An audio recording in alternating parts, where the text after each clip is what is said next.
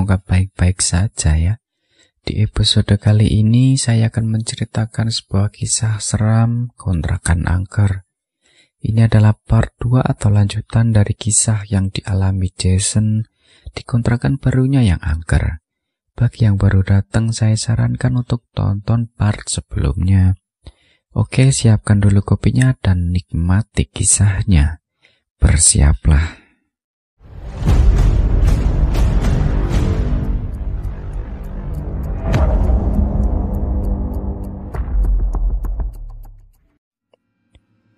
Dengan sekuat tenaga, Jason dorong triplek yang menutupi lubang. Sayangnya tenaganya tidak cukup kuat untuk membuka triplek itu. Mungkin saja sosok yang menyerupai ayah menahan tripleknya dari atas agar Jason tidak bisa keluar.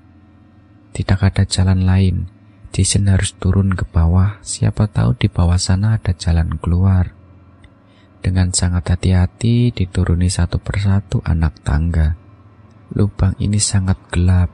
Kakinya harus meraba-raba anak tangga agar tidak jatuh. Jason melihat sebuah cahaya, tidak salah lagi, dia pasti hampir tiba di ruang bawah tanah. Dengan susah payah akhirnya Jason berhasil menuruni tangga itu. Sekarang Jason berada di sebuah ruangan yang lebih layak disebut gudang. Ruangan ini cukup luas, banyak tumpukan kardus bekas di mana-mana. Dengan penuh waspada, Jason mulai menelusuri ruangan ini. Apakah ayah tahu kalau ada ruang bawah tanah di rumah ini? Di sudut ruangan, Jason lihat seorang lelaki berdiri membelakanginya. Karena penasaran, perlahan Jason mendekatinya. Dia mengenakan jaket hitam, topi, dan celana panjang berwarna hitam. Jadi kamu penghuni baru rumah ini? Lelaki itu membalikan badan. Dari wajahnya, Jason dapat menebak kalau dia berumur sekitar 50 tahunan. Bapak ini siapa? Kok ada di rumah saya? Dia hanya tersenyum sinis. Ini rumahku, bukan rumah kamu. Lelaki itu mendekat, Jason mundur beberapa langkah. Kata ayah, dia harus selalu berhati-hati kalau bertemu dengan orang asing. Jangan takut, aku bukan orang jahat. Dia mengambil kursi lipat yang tergeletak di lantai. Duduklah, aku mau ceritakan sesuatu padamu. Cerita apa? Tentang rumah ini. Jawabnya singkat sambil tersenyum. Tampaknya lelaki ini memang murah senyum dan ramah. Tidak ada salahnya mendengarkan cerita tentang rumah ini. Sambil terus waspada, Jason duduk di hadapannya. Bapak kenapa bisa ada di sini? Tanya Jason. Sudah aku bilang, aku pemilik rumah ini dan di sinilah aku tinggal. Jason masih bingung kalau dia tinggal di sini, kenapa ayah tidak memberitahunya. Rumah ini ada hantunya, Pak. Entah kenapa tiba-tiba Jason ingin menyampaikannya pada si pemilik rumah. Itu roh orang-orang yang mati di rumah ini. Mati? Kenapa? Tanya Jason penasaran. Mereka semua dibunuh timpa lelaki itu. Salah mereka apa dan siapa yang membunuhnya? Aku sendiri yang membunuh mereka karena aku tidak suka pada tingkah mereka. Mendengar penjelasannya, Jason langsung berdiri dan hendak menjauh dari lelaki misterius itu. Tenang, aku hanya membunuh orang-orang jahat. Sudah kubilang kalau aku orang baik. Aku tidak akan menyakitimu, nak. Lelaki itu juga berdiri, ia mencoba untuk menenangkannya. Aku harus naik lagi, mungkin ayah sudah pulang. Kata Jason lalu berjalan ke arah tangga. Ayahmu belum pulang, katanya. Dari mana bapak tahu? Tanya Jason sambil menoleh ke arahnya. Ayahmu yang memberitahuku. Lelaki itu naik ke atas kursi. Jason tidak tahu apa yang akan dilakukannya. Bapak mau apa? Tanya Jason. Sebuah tali jatuh dari atas kepalanya. Dia mengalungkan tali tersebut ke lehernya. Pak, jangan pak. Teriak Jason. Jason menjerit melihat lelaki itu tiba-tiba gantung diri di hadapannya. Kedua matanya melotot, kakinya bergerak-gerak. Air kencing mengucur dari celananya. Dia sekarat dan mati begitu saja. Buru-buru Jason lari ke arah tangga dan langsung naik ke permukaan. Sambil menangis, Jason memanggil-memanggil ayah. Berharap dia dapat menolongnya. Setibanya di puncak, triplek itu masih tertutup rapat. Jason tidak bisa membukanya. Sementara itu dia dengar ada seseorang yang menaiki tangga. Itu pasti hantu. Ayah, tolong. Ayah. Teriak Jason sekuat tenaga. Dia mencoba mengetuk-ketuk triplek tersebut dan perlahan ada yang membukanya. Tampaklah seorang lelaki yang wajahnya tidak asing. Ya, Jason ingat dia adalah lelaki yang membantu ayahnya tadi siang. Ayo nak. Dia mengulurkan tangan. Jason menyambut tangannya dan berhasil naik ke permukaan. Kamu kenapa bisa masuk ke sini? Tanya lelaki itu. Ayah, ayah mana? Jason tidak menjawab pertanyaan lelaki itu dan malah menanyakan ayah. Ayah kamu ke mana emangnya? Tadi aku lihat pintu rumah terbuka makanya aku cek ke sini. Takutnya ada maling. Ujar lelaki itu. Rumah ini ada hantunya. Aku takut. Kata Jason. Hantu? Dia mengerutkan dahi. Iya, aku lihat hantu di rumah ini. Kata Jason sambil terus menangis. Udah jangan khawatir, sekarang kamu aman. Aku akan menjagamu sampai ayahmu pulang, katanya. Dia menutup kembali lubang itu lalu membawanya ke ruang tamu. Malam ini terasa sangat panjang. Jason tidak tahu ayahnya di mana, dia khawatir terjadi hal buruk pada ayahnya. Nama lelaki yang membantunya itu bernama Pak Harry. Dia salah satu warga sini, kebetulan Pak Harry sedang ronda. Dia sengaja keliling untuk memastikan tidak ada orang asing yang masuk ke komplek ini. Untung saja dia melihat pintu rumah Jason yang terbuka sehingga Jason berhasil diselamatkan. Dia menemaninya sampai subuh dan paginya Pak Harry pamit pulang. Jason semakin khawatir dengan ayah. Sampai pagi ini dia tidak kunjung pulang. Jason berdiri menghadap jendela, memandangi jalan dan berharap ayah akan muncul di sana. Kata ayah selama dia pergi Jason tidak boleh keluar. Saat sedang melamun di depan jendela, tiba-tiba dia dengar suara pintu yang seakan dibanting. Suara itu berasal dari kamar yang penuh dengan lukisan. Dia lihat pintu kamar itu terbuka lebar. Jason menelan ludah sendiri. Walau dipenuhi rasa takut, didekati kamar itu dengan hati-hati.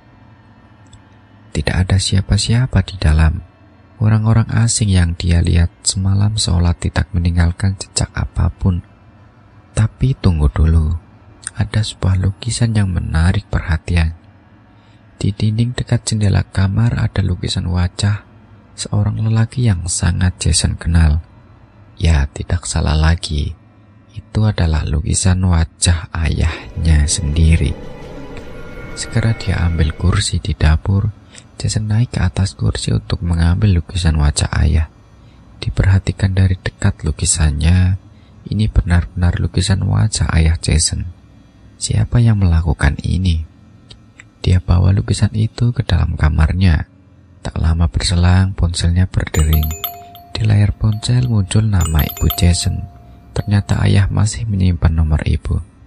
Ibu, kamu di mana Jason? Kamu pindah rumah ya? Kok ayah kamu gak bilang sama ibu? Tanya ibu yang langsung menodongnya dengan pertanyaan. Iya bu, kami pindah rumah. Jason kira ibu tahu soal ini. Ayah kamu gak bilang sama sekali. Kamu di mana sekarang? Bisa kasih tahu ibu lokasinya? Ayahmu, ibu telepon gak aktif. Jason loncat dari tempat tidur lalu berjalan ke jendela. Dia tidak tahu pasti alamat rumah ini, tapi di depan rumah ada gapura yang bertuliskan perumahan Gria Indah.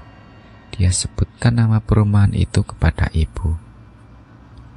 Oh iya ibu tahu perumahan itu. Kamu jangan ke mana-mana sebelum ibu datang ya. Ya, timpalnya. Iya bu, ayah juga sampai sekarang belum pulang. Loh pergi ke mana ayahmu? Gak tahu bu. Ya sudah ibu ke sana sekarang. Telepon pun ditutup. Ibu beberapa kali menelepon Jason untuk menanyakan rumah mana yang kami sewa hingga akhirnya dia berhasil menemukan lokasi rumah ini. Ibu datang bersama suami barunya. Jelas Jason tidak suka dengan lelaki itu. Walaupun dia tampak ramah, tapi tetap saja Jason tidak suka melihat ibu bersama lelaki lain. Sejak kapan ayahmu pergi? Tanya ibu kami duduk di ruang tamu. Dari semalam, Bu. Udah ibu bilang kamu ikut ibu saja. Kalau sama ayah jadi terlantar kayak gini kan? Kata ibu dengan wajahnya yang terlihat kesal. Lelaki di sampingnya mengangguk-angguk. Om senang kalau kamu mau ikut dengan kami. Om udah beli video game buat kamu di rumah. Om juga mau nyekolahin kamu di sekolah favorit biar tambah pinter. Kata lelaki gemuk itu sambil tersenyum. Jason tidak menanggapi dan hanya tertunduk. Walau bagaimanapun, Jason tidak akan pernah mau ikut sama ibu. Kasihan ayah, dia pasti sedih kalau ditinggal sendirian. Ibu mengecek setiap ruangan rumah. Rumah ini gak layak, Jason. Kumuh banget. Emang ayahmu udah gak mau bayar sewa rumah yang kemarin ya? Iya bu, kata ayah harga sewanya semakin tinggi. Ya harusnya ayahmu harus kerja lebih keras lagi biar bisa bayar sewanya. Gimana sih? Ibu berdecak kesal. Hari ini kamu ikut ibu aja yuk. Nanti kalau ayah udah pulang, ibu antarkan lagi ke sini. Ibu merangkul pundak Jason. Enggak bu, kata ayah, aku nggak boleh keluar rumah sebelum dia pulang. Ibu mengumpuskan napas berat, dia menoleh ke suaminya. Ya sudah, begini saja. Ibu bakal nemenin kamu di sini sampai ayah pulang. Jason mengangguk dan melirik ke arah lelaki gemuk itu dengan tatapan benci. Kamu mau nunggu di sini juga? Tanya ibu kepada suaminya. Oh enggak, aku masih ada kerjaan. Kebetulan hari ini ada pengiriman emas ke tokoku. Jawab lelaki itu. Jason, kapan pun kamu mau, Om siap jadi ayah kedua buat kamu. Katanya sambil mengelus kepala Jason. Jason diam saja. Enak saja mau jadi ayah kedua, dia nggak mau punya ayah gemuk dan botak kayak dia. Jason masih berharap ibu dan ayah bisa bersama lagi kayak dulu. Ya sudah, aku pamit ya.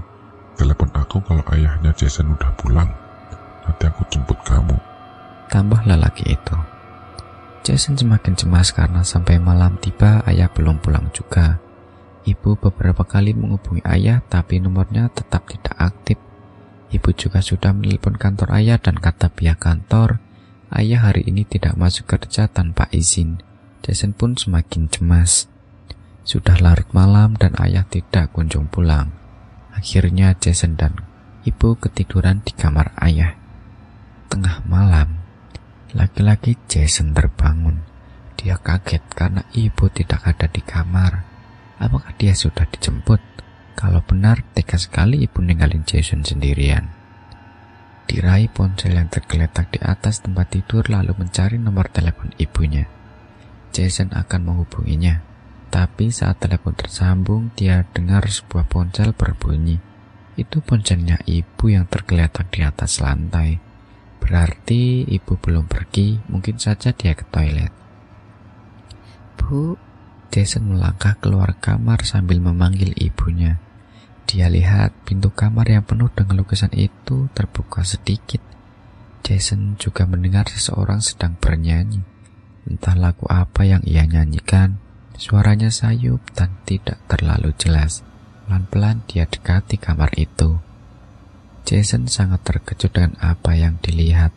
Di dalam kamar itu ada seorang lelaki yang sedang melukis figur ibunya. Tepat di hadapan lelaki itu, ibunya diikat di atas kursi. Wajah ibu penuh dengan darah seperti habis dipukul dengan benda tumpul. Selain itu ada pisau yang menancap di dada kiri ibu. Dapat dipastikan kalau ibu memang sudah tewas. Lelaki yang tidak dapat dilihat dengan jelas wajahnya itu masih bernyanyi sambil sesekali melihat wajah ibu. Dengan piawai dia melukis figur ibunya di atas kanvas. Jason ingat berteriak saat menyaksikan apa yang tengah dia lihat saat itu. Tapi lidahnya keluh, tubuhnya gemetar, tapi sulit untuk bergerak. Siapa lelaki itu dan apa yang harus Jason lakukan sekarang? bersambung. Oke kawan-kawan, ceritakan lanjut ke part 3 ya. Terima kasih karena sudah menonton video ini hingga akhir. Luangkan waktu untuk like, share, dan komen. Jika kalian suka video ini, tekan tombol subscribe dan aktifkan notifikasi loncengnya supaya kalian tidak pernah ketinggalan video-video terbaru dari kami. Sampai jumpa lagi di part berikutnya.